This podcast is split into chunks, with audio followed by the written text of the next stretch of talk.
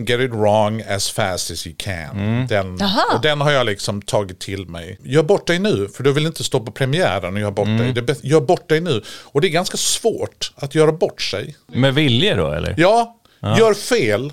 Säg dåliga grejer. Gå ut på en scen och säg saker som inte är roliga. För du lär dig mer av det än om du bara säger saker som funkar hela tiden. Om man inte gör fel då hittar man inte rätt.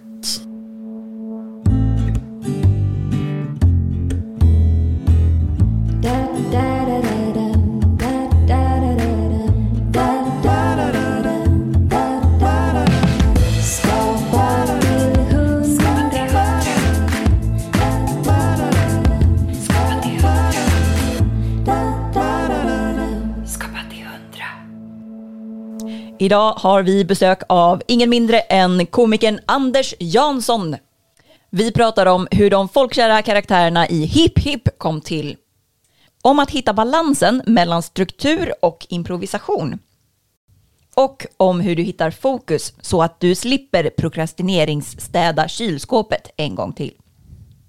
Dessutom så har vi ingen mindre än Tiffany Persson som specialgäst. Det här blev ett både fruktansvärt kul och fruktansvärt långt samtal. Så det du hör nu är del ett.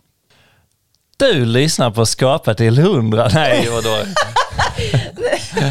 det var inte Tiffany. Mitt namn är Joel Nyberg. Och mitt namn är Maja Sönnerbo.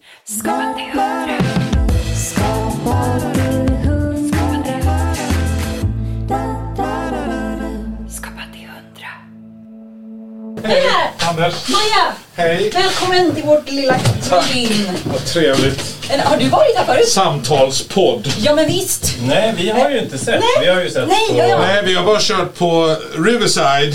Vi är som digitala kompisar som man blir nu för tiden. bostadsområde i Lidingö. Och jag menar, jag bor i Lund. Jag måste hitta sätt. Ja men såklart. Man kan ju inte liksom åka upp till Stockholm från poddar. Det känns ju jävligt fjantigt.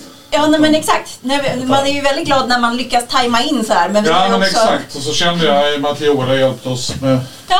mellan raderna. Så eh, frågade jag ju Joel om jag ville vara med här och prata kreativitet. Och vem vill inte göra det?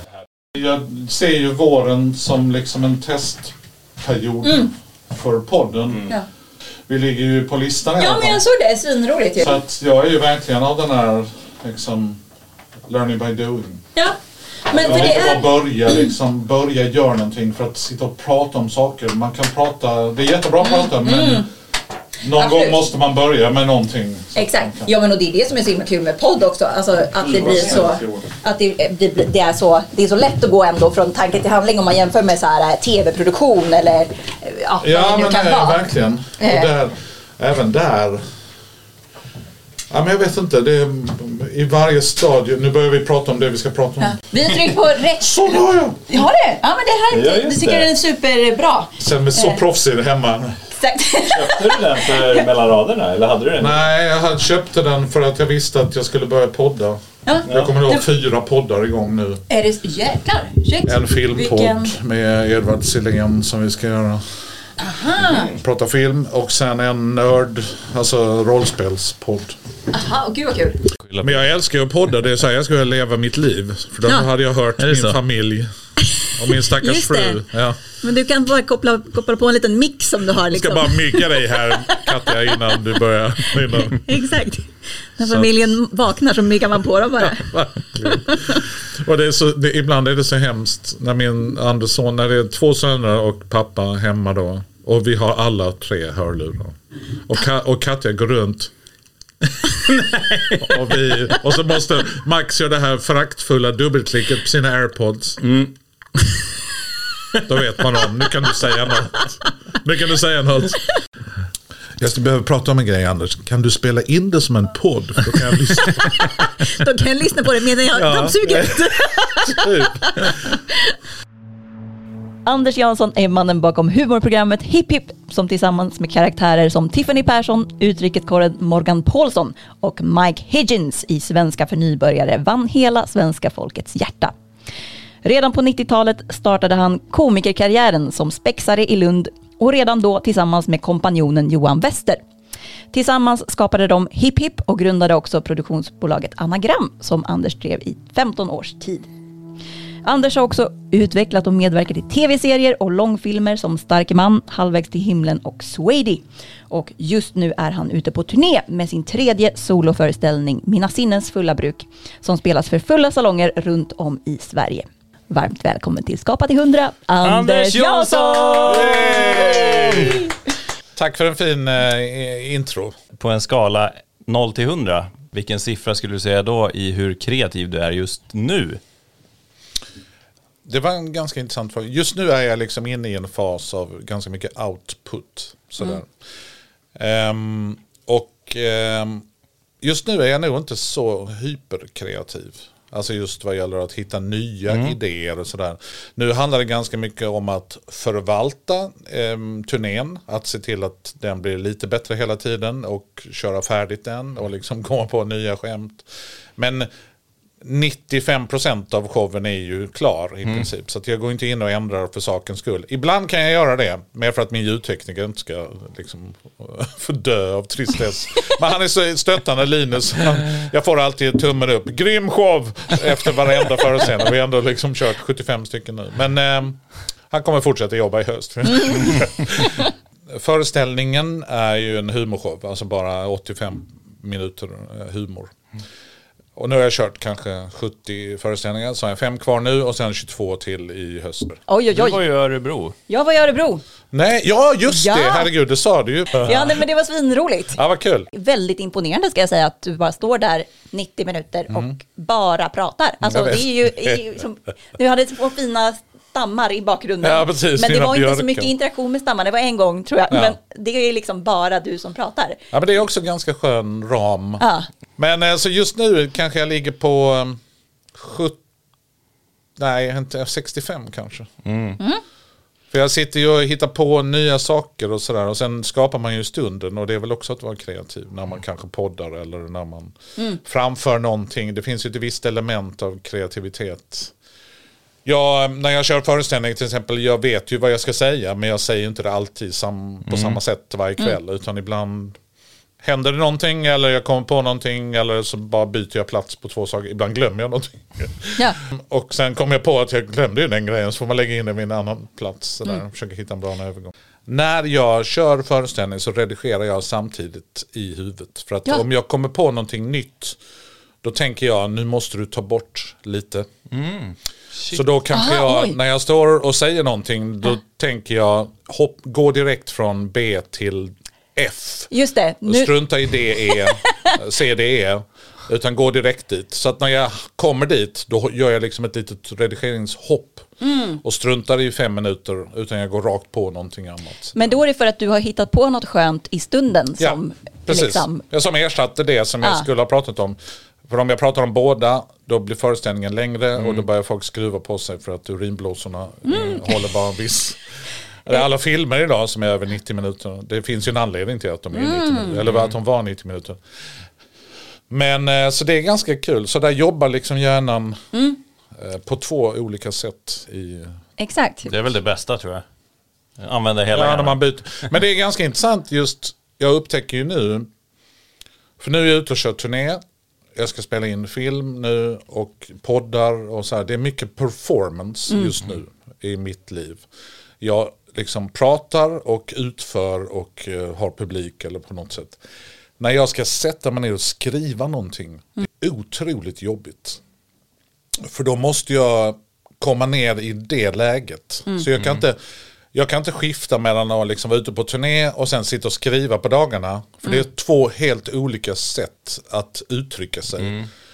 Utan jag märker att det tar mig kanske tre, fyra dagar innan jag landar i skriv nu. Sådär. Just det. Hur landar du då? då? Nej men jag måste, jag måste liksom rent fysiskt måste jag sätta mig vid mitt skrivbord där hemma.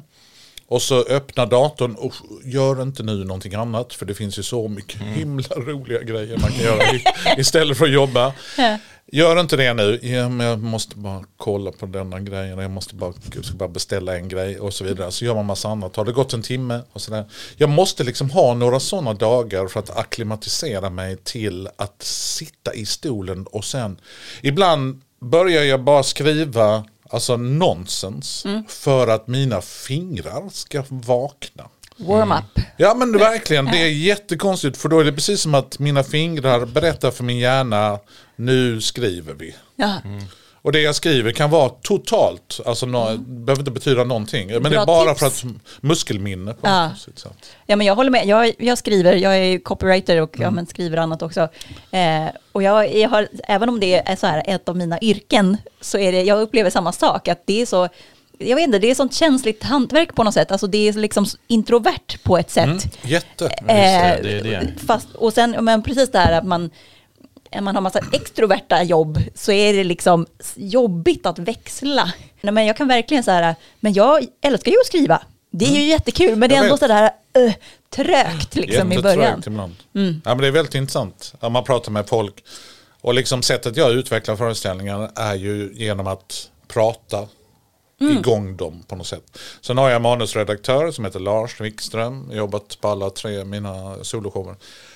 Och han och jag pratar i telefon eller på Zoom eller eh, på riktigt sådär om vi ses någon gång. Han bor här uppe i Uppsala. Och då berättar jag för honom. Och sen kommer han med en fråga eller en egen reflektion.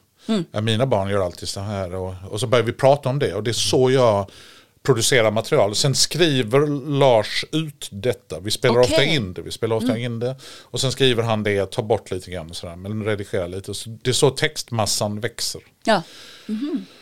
Eh, och det är samma sak när vi eh, skrev komediserier och sådär. Att jag går ofta runt i rummet och utför scenen live. Jaha, Och då kan han säga, han kan säga så här. Och så spelar jag den karaktären. Och då kan, vet du vad hon svarar då? Då svarar hon så här. Och då spelar jag också den karaktären. Så sitter manusförfattarna och försöker anteckna, anteckna detta. Eh, Så att jag har ju försökt hitta en sån här speech to text program. ja. För att det finns ju, vad heter Dragon, det finns något eh, program. Men där måste man vara ganska duktig på att kunna programmet. Ja, mm. Ja, men om det ska bli förståeligt. Ja. Ni vet när YouTube textar. ja Då blir det verkligen- sådär. Nej, det var inte det han sa. Nej, nej, oj, vad var det för någonting? Ja, det, var, det lät ju som det, men det var inte det han sa. Kreativ teckning. Det är ganska roligt att titta på. Ja. Problemet är när man gör det så framstår man som en idiot. För att när man läser det man har sagt. Ja. Det är jättekonstigt ibland. Alltså det blir, man formulerar sig ganska konstigt. Det är mycket pauser. Ja. Det är mycket, ja men ni vet. Ja, det är mycket och, såhär, ljud som man gör när Ja, man pratar. Eh, som inte är. Som man inte tänker på. Men det, är, nej, men det är någon gäst som jag inte kommer ihåg vem, men som te- tipsade om typ så i iPhone så finns det ju så här äh, röst... Memo. Ja, eller precis. Spela, eller nej, inte röstmemo, Nej. Mm. utan spela in så blir det text, typ i anteckningar. Jag har inte testat det själv, men eh, det ska tydligen funka ganska Ja. bra. Men vad skulle du säga, en lite fi- filosofisk fråga, men vad är kreativitet? Okej, är liksom, det finns ju ganska många klyschor kring kreativitet kan jag tycka. Och vissa av dem tycker jag, just, alla människor kan vara kreativa, det kan man ju komma överens om. Och kreat, men jag tycker också att många människor ser, de tror inte att de är kreativa på något sätt. Bara för att de förknippar kreativitet med folk som hittar på saker eller som skriver eller som, ja, whatever liksom. Hitta, komponera låtar, då är man kreativ liksom att man ska hitta. Men det går ju att hitta kreativitet i vardagen och i livet och hur man rattar en familj. Och jag skulle ju vilja att man liksom definierar det ganska brett. Att alla människor, det är ju möjligen liksom att hitta på någonting ur ingenting som är lite kreativitet. Men det, det kan också vara att du får in någonting och sen gör du om det till någonting nytt. Det kan också vara en kreativitet. Att, eh, det är väl att skapa någonting för mig är ju create som det kommer från på något sätt. Och jag är kreativ på ett sätt men jag är absolut inte kreativ på ett sätt som min, min fru kan vara kreativ. Hon kan vara socialt väldigt kreativ. Hon kan liksom hitta samband och lösningar och ja men om han är liksom sådär. lite, så, lite som våra hälare i Hipp Hipp. Tony och Sunken. de, är, de kan ju vara kreativa i hur de kan fixa en ja. business. Ja, Ja, men du vet. det. Ja. Ja men där tar den så tar jag den och sen så löser vi det. Så får du två sådana så kostar De kan ju vara super, ja, men de är ju superkreativa men det är bara för att tjäna pengar. Och det är ju en typ av kreativitet. Men eh, jag förknippar ju kreativitet med att skapa någonting. Alltså, Något Kon- nytt. Ja, man får ju massa intryck som konstnär eller som skrivare eller författare eller vad man nu jobbar med. Komiker eller musiker. Man får massa intryck och ibland kan man inte sortera bland dem och det behöver man inte. Nej. För de påverkar dig på något sätt och sen kommer det någonting, men med din röst. Någonting nytt. Och jag menar i början av sitt liv så härmar, jag härmar ju, jag, jag gjorde egentligen inget eget i början.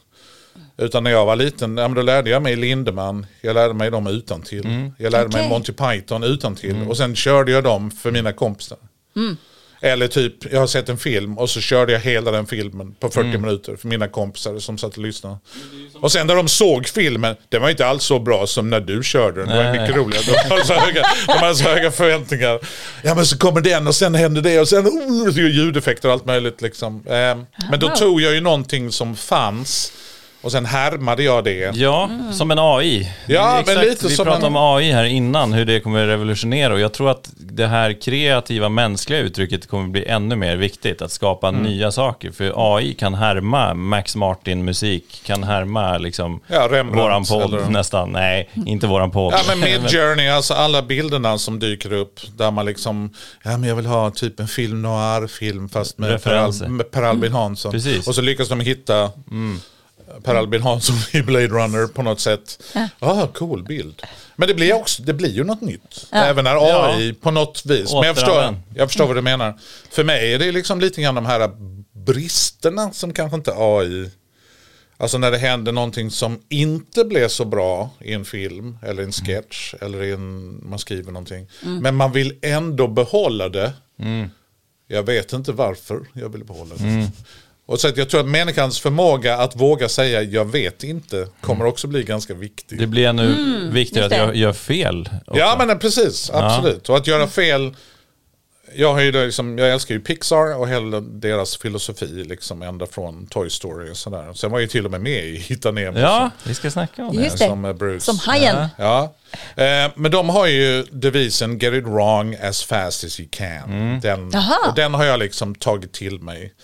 Att eh, gör bort dig nu, för du vill inte stå på premiären och göra bort dig. Det gör bort dig nu. Och det är ganska svårt att göra bort sig. Alltså det Med är, vilje då eller? Ja, gör fel. Säg dåliga grejer. Gå ut på en scen och säg saker som inte är roliga. För du lär dig mer av det än om du bara säger saker som funkar hela tiden. Så att om man inte gör fel då hittar man inte rätt. Ja, men Fritz Lang, eh, regissören, Metropolis och M och ni vet tyska regissören. Han sa just, jag, jag vill inte prata om mina filmer som har gått bra för jag visste inte varför de blev bra. Jag kan inte, det var bara något som hände. Det var någon casting och någon klippare och så var det lite musik och sen blev det magi. Jag kan inte förklara att det blev, jag kan aldrig göra om exakt samma sak. Nej. Så att det, men när jag ser på filmer som jag är missnöjd med, där kan jag direkt gå in och säga vi borde ha gjort så, vi skulle ha strukit denna scenen. Ja. Du vet. Så att det, det är ganska att våga bejaka sina fel. Kommer du ihåg någon bombning du har gjort? Som man Ja, säger i komikerbranschen. nej man förtränger dem ganska snabbt. nej men ibland, eh, ibland går man in på ett spår, jag kommer inte ihåg något specifikt, men ibland kanske man liksom går in på ett spår där känner man publiken inte med dig överhuvudtaget. Men då, är man, då lär man sig av Eddie Izzard och sådär. Eddie Izzard börjar ju anteckna i sin hand. Did not work in Brighton. Sådär. och då skrattar publiken åt det istället. För han, han, han, han läste situationen. Det. Och så kände alla att det där var inte så kul. Och Nej. så skriver han det och säger att det där var inte så kul. Och då blir det kul. Har du någon sån eh, räddning liksom? ja, jag försöker väl. Men jag har ingen som jag kör alltid. Sådär, utan det blir lite utifrån. Men, och det är det. Jag vill ju att de ska skratta. Därför är det svårt att göra saker som är dåliga. För att, och Mm, exakt. när man är erfaren och har gjort det många gånger så är det, gör man mindre och mindre fel. Men det är också störigt för jag vill ju göra... jag vill exakt. ju hitta felen också. Men jag kan inte ställa mig på en scen och vara dålig. Alltså det är jättesvårt. Exakt, ja. Så att, eh, ja. Ja, men precis, man kanske måste våga gå mer utanför, ja, längre ifrån liksom. lite så. Ja. Och eh, i de här föreställningarna har jag haft en devis som jag liksom försökt leva efter. Det att våga vara ännu mer personlig. Våga vara ännu mer pinsam i ämnen där du väljer. Och det är nästan att det blir en utmaning. Ja. Liksom, är det någon annan som känner igen sig i detta? Mm. Och så är det ju tio personer. Ja. Sluta. Jag, det- jag, jag känner mig, och det är också konstens kraft att inte känna sig ensam. Ja. Utan, Ni vet när man läser en bok, den kan vara skriven av eh, Toni Morrison eller någon författare som man egentligen inte har någon förklarlig relation till. Det kan vara en afrikansk bok eller någon indisk nobelpristagare. Och så läser man den och blir otroligt berörd. Men man var inte beredd på det. Liksom. Nej. Men då har ju författaren skrivit om det som författaren bryr sig om och tänker på. Och, liksom, och ibland träffar man rätt. Liksom, Så att det blir en universell liksom, upplevelse. Sådär. Men försöker man träffa alla människor, då blir det ganska beiga grejer. Liksom, sådär. Så Ja, exakt. Ja, men det är väl den här klassiken. Siktar man på alla så når man ingen Ja men verkligen, slut. Liksom. ja men absolut. Men, men på tal om det där så, det var en av frågorna som jag skrev efter um, föreställningen, att så här, en av mina reflektioner var att så här, du är så otroligt likable. Det känns som att, nej men det känns som att man känner dig, typ de första minuterna. Ja, man är inte nervös när man ska träffa dig. Nej men också på scenen. Jag var ju i Örebro på deras stora aula. Hjalmar ihåg, men- Bergman-teatern är mycket speciell. Just det, ja. Vä- Det ser ut som en Roy brant. Andersson, alltså i foajén. Ja, jättecool. Det är supercool. Det känns som, eh, vad heter den, eh, Gary Oldman, Tinker Tailor Soldier Spy. Det känns som att det ska gå massa tjänstemän och röka skitmycket. Ja, exakt. För det är den Ja. känslan, heltäcksmattor och liksom lite mässings, alltså supercool eh, teater. Ja. Eh, men, men, ja, men som min fundering på, men det kanske är en del av svaret att det är ett personligt material, men det känns ju som att, eller jag undrade så här, är det något som man bara har, som du har, har haft, eller är det något som man kan träna upp, liksom, det här att vara relaterbar på något sätt? Ja men det kan man kanske eh, träna upp. Ha, har du tränat, eller har du haft det alltid? Ja, men man, man märker väl kanske att man har en förmåga att eh, få folk att lyssna, att vara verbal och att vara rolig. Att vara snabb i huvudet. Här, I skolan, man övar ju sig varje dag liksom, på att vara, roa sina kompisar på något sätt. Eller eh, eh, när man var på det- det var på väg att bli jobbigt och folk, det skulle bli slagsmål. Då försökte man alltid med humor Ja. avväpna på något sätt. Så det var ju en överlevnadsinstinkt också. Eh, Att skratta åt att- det började redan där. I, i Ja men oh ja, det började redan när jag var ännu yngre. Ja. Jag uppträdde framför vår tv när familjen... jag har fyra syskon men min äldsta syster flyttade hemifrån ganska tidigt. Så vi var i praktiken fyra syskon och min mamma då som var ensam. För min pappa dog när jag var sju. Så att mamma tog hand om, och detta är en liten finska, krigsbarn, 1,61 ungefär. eh, Med stort vätesuperoxidhår, vitt. Eh, som kallar mig för Anters med T, inte D. Anters. Men då, eh, då visste jag, då satt jag dem och tittade på tv. Perfekt, då går jag in. Då gick jag in med min bandspelare, satte igång en låt. Nu blir det frågesport! och mina syskon, nej mamma, säg till Anders. Nej men låt honom, det är roligt. Fortsätt Anders. Så då hade jag en liten show där liksom framför dem. Ja. Och körde Fick lite respons? Fick du liksom... Ja men syskon, de kan ju börja slänga saker. Och så kände jag, tack för mig, det var allt vi hade för idag. Men du körde på ändå, du tyckte ändå det var kul. Ja, ja, du brydde dig inte om publiken. Eh, Jo, jag tog in lite grann och så kände jag nu är det läge att gå ut. Jag och min sidekick som var min hund. Vi säger tack för oss, Scotty. Ja, och sen gick vi ut. Och detta upprepades då några gånger i veckan. Det är precis det är så man får hård hud. Det är liksom... Ja, Ja men verkligen, verkligen dina värsta kritiker. Ja. Men också de som, ja men det är vår lillebror, vi låter väl honom snacka lite då. Och svara på hans frågor. Så att, eh, men eh, så att det börjar nog ganska tidigt. Ja. Att, eh, Men var du folk- yngst? Yngst ja. Ja, ja men Klassiker. precis. Och inte sladdbarn, det är fyra år mellan mig och nästa syster. Ja. Min, jag tror, storyn går så här, min pappa, eh, nej, eh, nu har vi, han kom från Kristinehamn. Nu- Ayla, Ayla min eh, mor, nu tycker jag det räcker. Nu har vi inga fler barn, fyra räcker tycker jag. Eh, och min mamma, ja, men en liten Antes. Nej, det tycker jag, nu tycker jag inte att vi, nu säger vi stopp. Nu orkar jag inte mer. Och då glömde väl min mamma p-piller eller något. Och blev gravid. Nej, vad, vad synd. Men eh, ja, då ser vi vad detta blir. Låter som Mumintrollet. Min mamma. Och så kom Anters, men det var ju tack vare min mamma. Liksom. Min pappa var ju typ färdig med kids på något sätt. Men eh, tack vare min mamma så finns jag. Och då blev jag liksom hennes... Men mamma, varför ska inte Anders tömma diskmaskinen, mina syskon då? Nej, låt honom. Ja, låt hon honom. kände ansvar. Låt honom sitta och rita. Hon kände extra ansvar för dig. Ja, också att jag fick göra lite vad jag ville. Och, och det är faktiskt också lite grann en nyckel till att våga vara kreativ. Att, att man får lite space. Att Ja. rita och testa och spela. Jag spelar ju piano. Och liksom lära sig allt det här. Liksom testa massa olika grejer. Och ha tid att göra det. Och få utrymme. Och inte du måste göra detta. Utan att vara liksom... Alltså om man, om man umgås med kreativa personer just i unga år. Sådär, viktigt för dem att få göra fel. Och eh, liksom, men inte pusha dem för jävla hårt. Min son, yngste son som är 18. Han är superduktig på mode. Så han stylar sina klasskamrater, gör liksom, ritar egna plagg, går till Erikshjälpen. Och han handlar både manliga kläder och kvinnliga kläder. För att han gör om de kvinnliga kläderna till sig själv.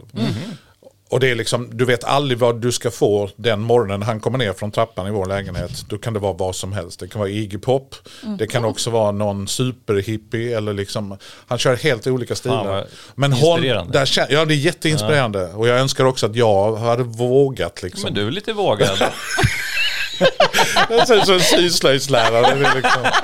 Nej men Leo är så otroligt. Men då känner ju Kat- Katja då, min fru. Hon har ju varit kostymör och dansare. Och liksom, så hon, har, ju- hon är väldigt kreativ också. Men vi vill inte pusha honom för hårt. För att han tycker det är så otroligt kul nu att sy.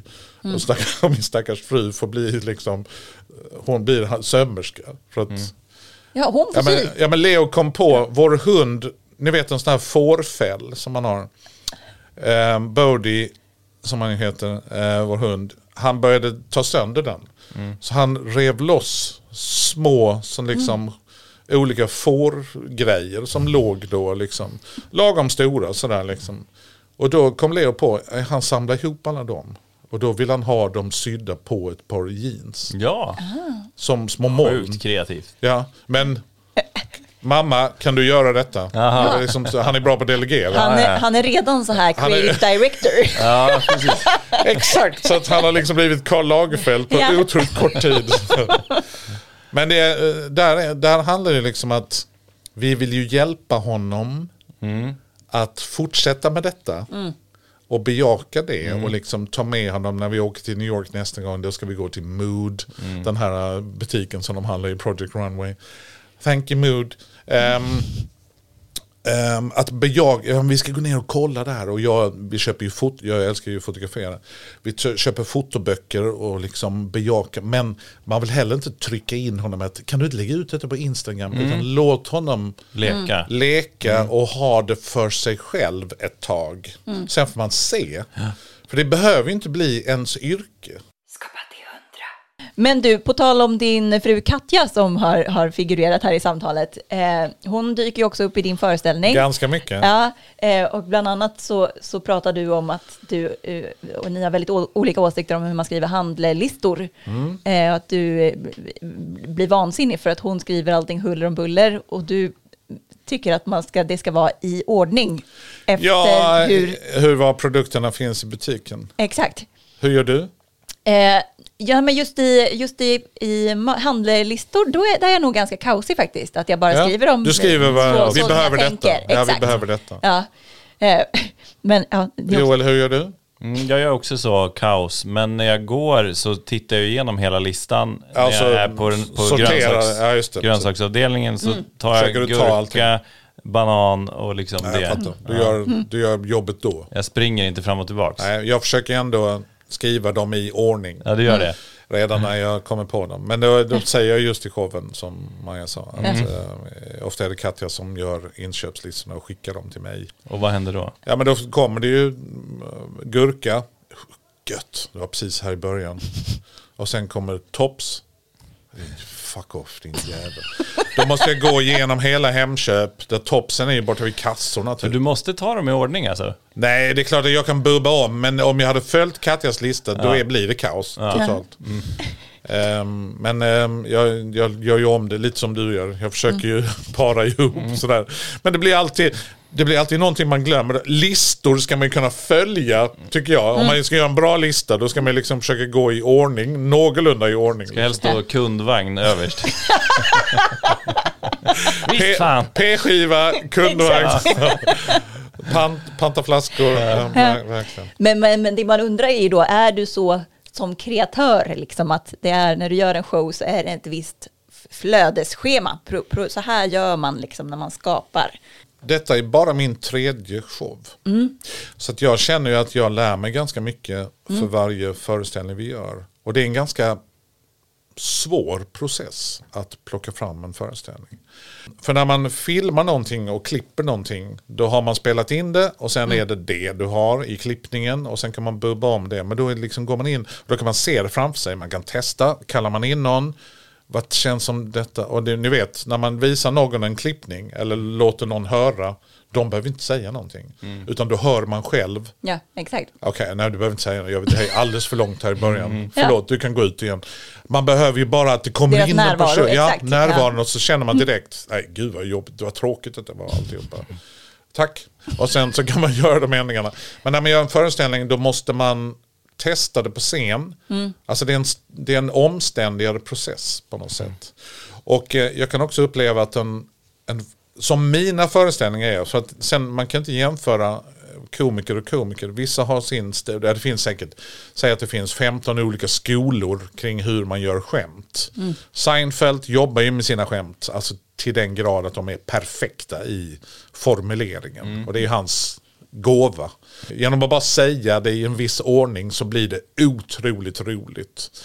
Ja, men han pratar om det här med att han inte gör någonting om dagarna. För då använder han liksom nothing, anything och something som tre ord i engelskan. Att it's really hard to do nothing because you can do nothing and all of a sudden you could be anything and all of a sudden you're doing something. Alltså att han leker med orden så jävla snyggt. Ja. Så att det är liksom en formulering. Och så gör jag ju med vissa saker i min föreställning. Men sen är det så otroligt organisk process när jag kör på scen. För att det kan dyka upp någonting mitt i någonting annat. Ja, men jag fick ju det, det fina titeln av någon tidning när jag var ute och gjorde min förra show. Bisatsernas konung. Jaha. Och den älskar jag för att mycket av mina föreställningar är ju att jag börjar på någonting och sen börjar jag prata om någonting helt annat. Och sen går jag tillbaka och sen gör jag en liten parentes och sen så gör jag en callback dit, fortsätter prata om det men sen slutar jag med ett skämt som bygger på att vi hörde den första. Alltså sådär. Och det är jättesvårt att skriva det. Det måste man framföra. Ja. så att ibland så känner jag att min humor ligger närmare musik än vad det ligger närmare skriv.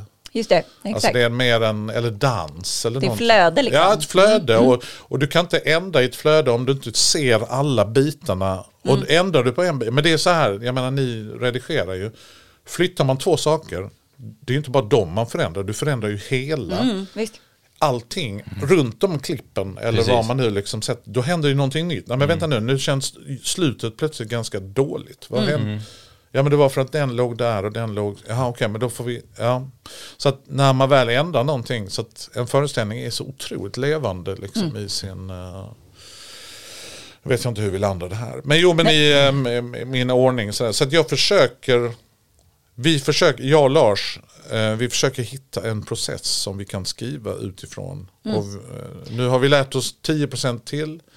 Men vi är långt ifrån, vi, vi vet inte exakt hur vi ska göra nästa gång. Liksom. Men det börjar med att du vankar omkring i, i vardagsrummet och han skriver det du säger. Ja, det börjar nog med att vi sitter och pratar i telefon i Ja. kanske ett år. Okej. Oj, ja, det är en lång Det är en lång värpningsprocess. värpningsprocess. Ja. Ja, dels ska jag ju samla på idéer, men det gör jag hela tiden. Okej. Mm. Det kan komma idéer nu och liksom efter denna. Skriver du ner dem på något sätt? Ja, anteckningar i mobilen eller sådär. Um, Har du dem i ordning också? Nej, det är totalt, alltså att strukturera idéer är ju bland det jobbigaste som finns. Det är Ja, ja, ja. jättesvårt. Där skulle man behöva någon AI och sökord och taggar och sånt här. För Ja. att man kan ju få en idé, men den kan vara, det, är det en sketch eller är det Mm. ett tal eller är det en, en replik i en film? Jag vet inte. Det är ett ganska roligt uttryck. Mm. Men var ska du använda det? Nej, den är. Det, det, det enda är att man måste veta var, var man kan ha skrivit det. Typ Ja. i anteckningar. Så Typ det i är anteckningar. typ sökbart. Ja, men liksom, att lite, det- ja, men lite så. Och, men så att jag går ju och samlar på idéer tills jag känner att nu måste jag berätta för någon om de här idéerna. Och då är det ofta Katja som är första line Mm. of defense. Och hon reagerar ju, hon är ju ganska snäll, vi har varit tillsammans i 30 år, men hon skrattar ändå ganska mycket åt det jag säger. Fortfarande? Fortfarande. Vad härligt. Ehm, så att jag testar på henne, jag testar på mina barn. Lite sådär, smyger in någon liten replik eller något roligt skämt. Jag tyckte det var roligt i alla fall. Men sen eh, pratar jag med Lars. Och så bollar vi fram och han berättar kanske något och jag berättar något. Och så studsar vi och så växer det sakta men säkert. Nu till mina sinnesfulla bruk så hade vi ett dokument som var 150 sidor. Oj. A4. Liksom skriv idéer. Och det blev för mycket känner jag. Ja. Alltså nu i efterhand kan jag känna att det, vi skulle ha gjort 40 sidor, sen skulle vi ha börjat jobba med dem. För nu höll vi på för länge. Och det, var pandemin, råmaterial liksom pandemin bara. Mm. var också, eh, gjorde också att vi kunde hålla på längre. Det blev för många idéer helt enkelt. Ja, oöverblickbart till Ja. slut liksom. Precis. Men eh, så att vi lär oss ständigt att Ja. försöka hitta processen i att skriva en föreställning. Men det är ganska knepigt. Lars och jag räknade ut. 85 minuter är precis, perfekt längd. Och så växer föreställningen med en minut i veckan. Det räknar vi ut. Okej. Ungefär en minut. Ehm, och efter 10 veckor då är vi uppe i 95 minuter och det är för långt. Det spelar ingen roll hur roligt det är. Sen kan vissa föreställningar som är 90 minuter upplevas som 82 minuter och en, en 85 kan upplevas som 95 beroende på rytmen liksom, i den kvällen man kör. Men eh, så det är hela tiden ett arbete med att vad ska vi behålla? För nu var det nya saker och nu har den grejen som bara var fyra minuter, den har nu växt till nio minuter. För att du har haft kul på scenen och kommit på saker. Men då måste vi ta bort fem minuter någon annanstans. Vad tar vi bort? Ja. Den kan, nej, vi kan ta bort den för då syftar den dit. Ja, men då tar vi bort den också. Okej, då har vi tagit bort fyra minuter. Och sen ska man hela tiden jobba med att sortera och sålla och liksom sådär. Eh, och ibland tar jag liksom Alexanderhugg att ja, men jag tar bort hela det stycket nu. Jag tycker inte det är så kul att prata om. Ja, gör det. Och så tar vi bort det. Det blir ju skitmycket bättre. Nu känns det rent på något sätt. Så att det händer ganska mycket med föreställningen. Så de som går på premiären brukar ju ofta se min sista show. För då är det är som en ny föreställning. Så att, Men det är kanske sätt också för dig, tänker jag, att det är roligt för dig också att göra Ja. det liksom Absolut. många gånger. och jag menar när man kör hundra föreställningar som detta kommer bli. Ja. Då kommer man ju på nya idéer varje dag. Och då vill man ju ibland testa vissa av de idéerna. och då vill man ju get it wrong as fast as you can. För det är mycket lättare att göra fel när det är minut 70 till 72. Än att gå ut på en scen och köra två minuter helt nytt Exakt. material. Du kan baka in det med massa jättebra material som ligger runt om. Då är det ja. liksom lättare att smyga in det. Så att, eh, jag tycker det är ganska trevligt att försöka hålla, um, att testa nytt lite här och där. Men det är också en otrolig glädje när man har en föreställning som man kan. Alltså jag vet om, och det spelar ingen roll vilken publik det är, ni kommer börja skratta. För jag har gjort detta så många gånger nu. Så att Ja. jag, och jag vet precis liksom, vad jag ska sätta in, liksom, mina stötar på något sätt. Och det är också en häftig känsla. När man går ut på scenen och så vet jag om ni kommer skratta som fan här ikväll. Och jag kommer få er att skratta. Det är en ganska god... Ja. Och då behöver man inte vara så himla kreativ. Utan då är man mer, nu gör jag detta som ett proffs. Jag Ja. går in och kör min bästa match. För jag, jag har tränat mycket nu, men nu är det på allvar. Nu Är det då du är som lyckligast? Nej, jag är, nog som, jag är nog som lyckligast. Jag brukar säga, jag gjorde ju några besök i Morgonpasset som har ju blivit de mest nedladdade avsnitten i Sveriges Jaha. Radios historia. Så. Oj. Jag, jo, jo, men det var när Martina Thun, Kodjo och Hanna Hellqvist var programledare. Då var jag gäst i Morgonpasset en gång. Och det var, när jag kom ut, jag var nästan så att jag skakade så här. Eh, och hade liksom ett rus.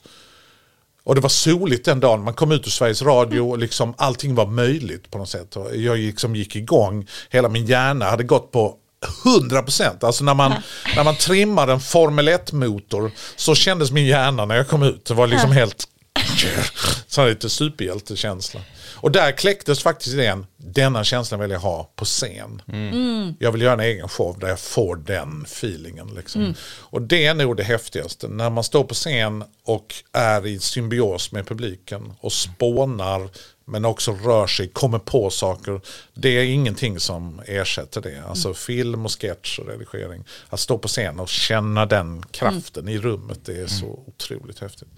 Så det, är- det är nog det häftigaste med detta jobbet. Liksom. Men vad var det som gjorde att det blev sådär äh, hos Kodjo? Och var det Ja. att ni hade Ja, så bra var, game? Liksom? Jag tror att det var kvartetten som blev där inne. Martina driver på och skrattar åt mycket. Hanna gör bara smashupplägg. Mm. Och Kodjo och jag är ganska lika i det att vi pratar engelska, vi härmar amerikanska, vi går in i popreferenser och filmreferenser hela tiden. Så det blev liksom en perfekt Mm. kvartett på något sätt. Jag kände ju att jag testade material hos dem. Ja. Ja, men Jag pratar om min hund, min förra hund då, en Australian Shepherd, men han kom egentligen från Spanien för de hämtade får i Australien till USA, då plockade de upp hundar. Och, och så började jag prata om Leroy som han heter, hette. Och att han är mörkrädd och så liksom började jag prata ganska mycket om honom och han började prata spanska. med mig och liksom då blev och sen då ja nu tar vi en låt och sen skrattade vi i studion och sen så kom vi in på någonting annat och sen så det blev bara liksom väldigt många roliga ämnen som man plockade fram. Och så gjorde jag morgonpasset så här tre fyra gånger med det gänget. Men det är inte alls samma sak att göra det med ett annat gäng. Nej. Nej. För de, Anders kan du inte komma tillbaka till morgonpasset för att det är så himla kul när du är här. Ja, men det beror lite på vem det är som är där. just Det är det, inte bara, såklart.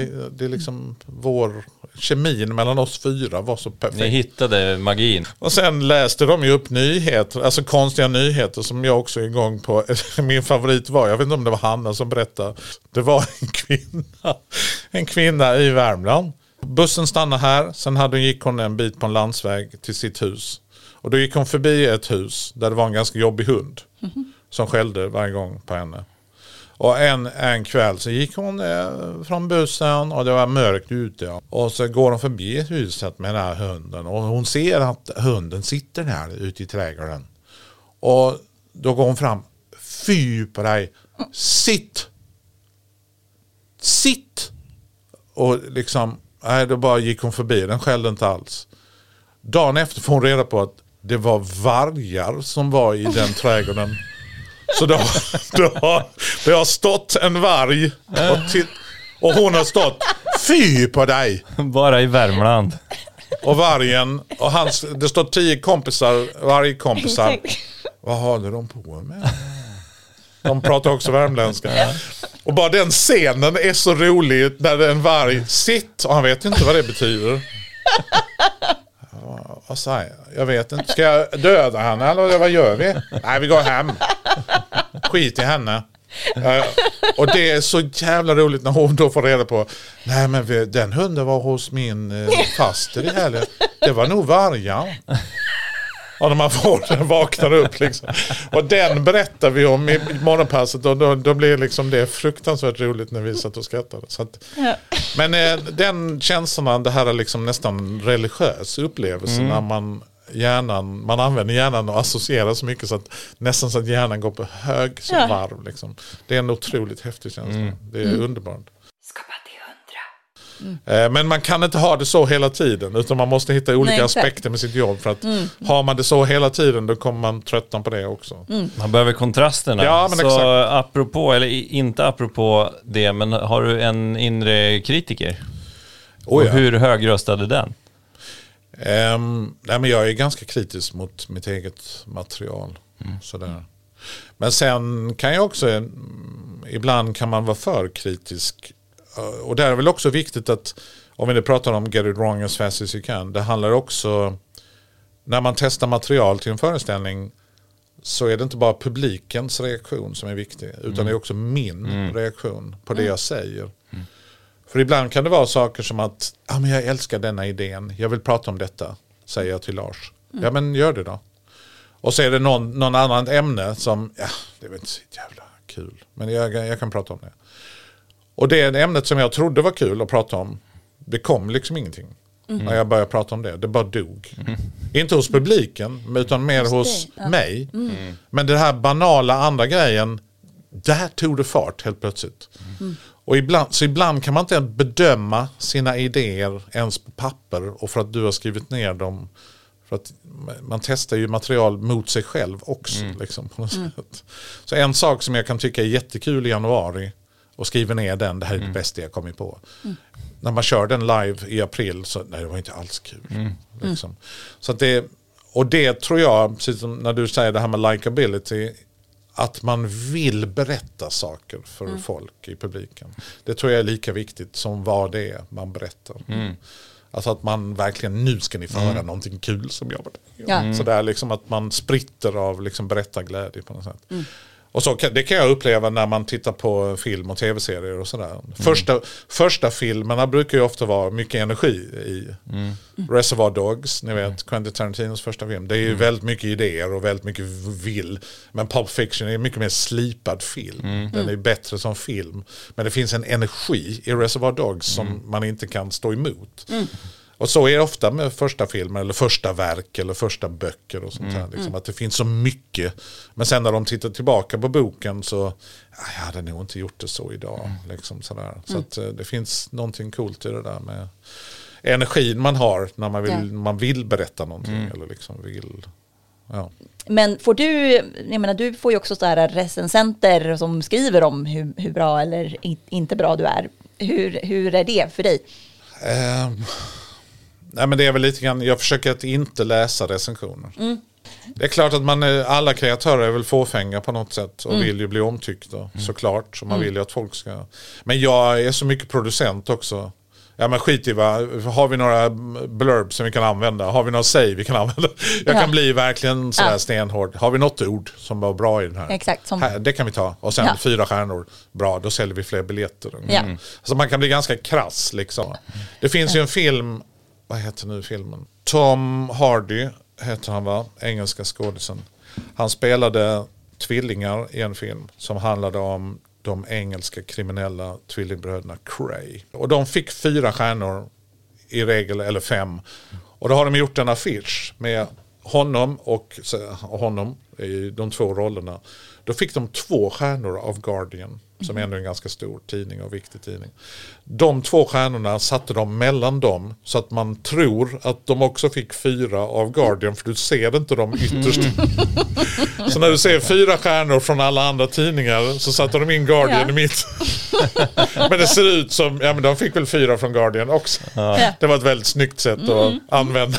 Kreativ. Kreativ, eh, kreativ affischidé. Han är så jävla duktig på att städa när man ska skriva något viktigt. Ver, verkligen. Nej, jag kan, jag kan inte skriva idag, jag måste tömma diskmaskinen. Ja. Det blir också oanat viktigt så, plötsligt. Jag städar kylskåpet! Va? Du gjorde det igår? Ja, men du vet, det är ganska fort. Man är så jävla... Procrastinering, att prata om det som motsatsen till kreativitet. Om vi nu pratar om. Det är ju... Eh, Är du bra på det? nej. Nej. Jag jobbar hela tiden. Jag, jag tror jag läser fler böcker om prokrastinering än vad jag jobbar med det jag borde jobba. Ja. Så att de blir prokrastinering. De här böckerna. Just det, ja, det är någon sån man jagar sin egen svans. Ja men verkligen. Så jag har alla olika verktyg. Jag har liksom pomodoro, jag har timers och allt möjligt.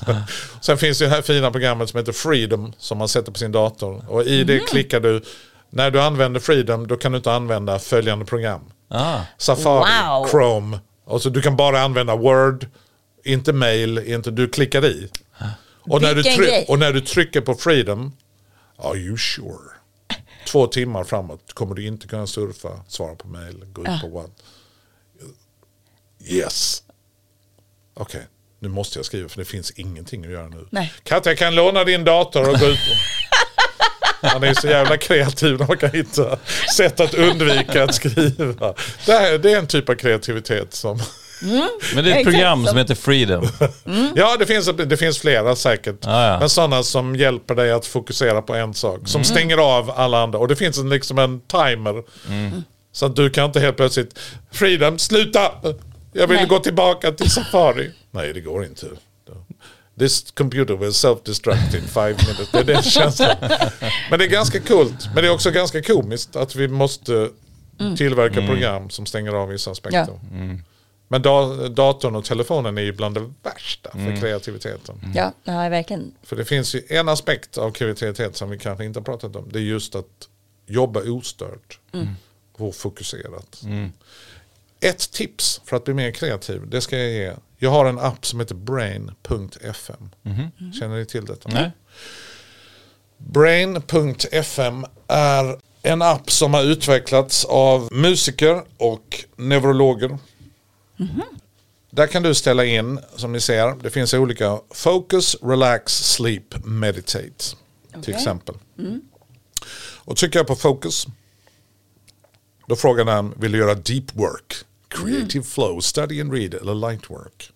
För då väljer den, om jag tycker deep work, då är den designed for demanding tasks that require sustained periods of intense focus. Trycker jag på den, ställer en timer på 30 minuter och då har jag valt i preferences vad jag vill ha för någonting, vilka ljud jag vill ha. Och då kan jag, jag tycker inte om att ha musik. Eh, Jag kan lyssna på filmmusik men då, det, då måste det anpassas till exakt det jag håller på med. Då måste det, Mission Impossible om jag ska skriva någonting. Det är som det hållet eller så lyssnar jag på någon annan musik. Men vad Brain FM gör, den tar ljud eller musik beroende på vad du väljer. Och sen har den en neural pulse som den kör igång. Så att ett, ett spår, jag kan väl se om vi kan kanske lyssna på ett spår från um,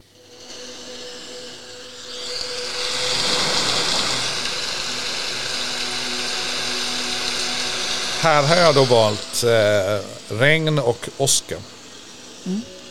För jag går igång på det. Så kan man byta då genre. Så man kan, man kan ta någonting som heter Cinematic till exempel.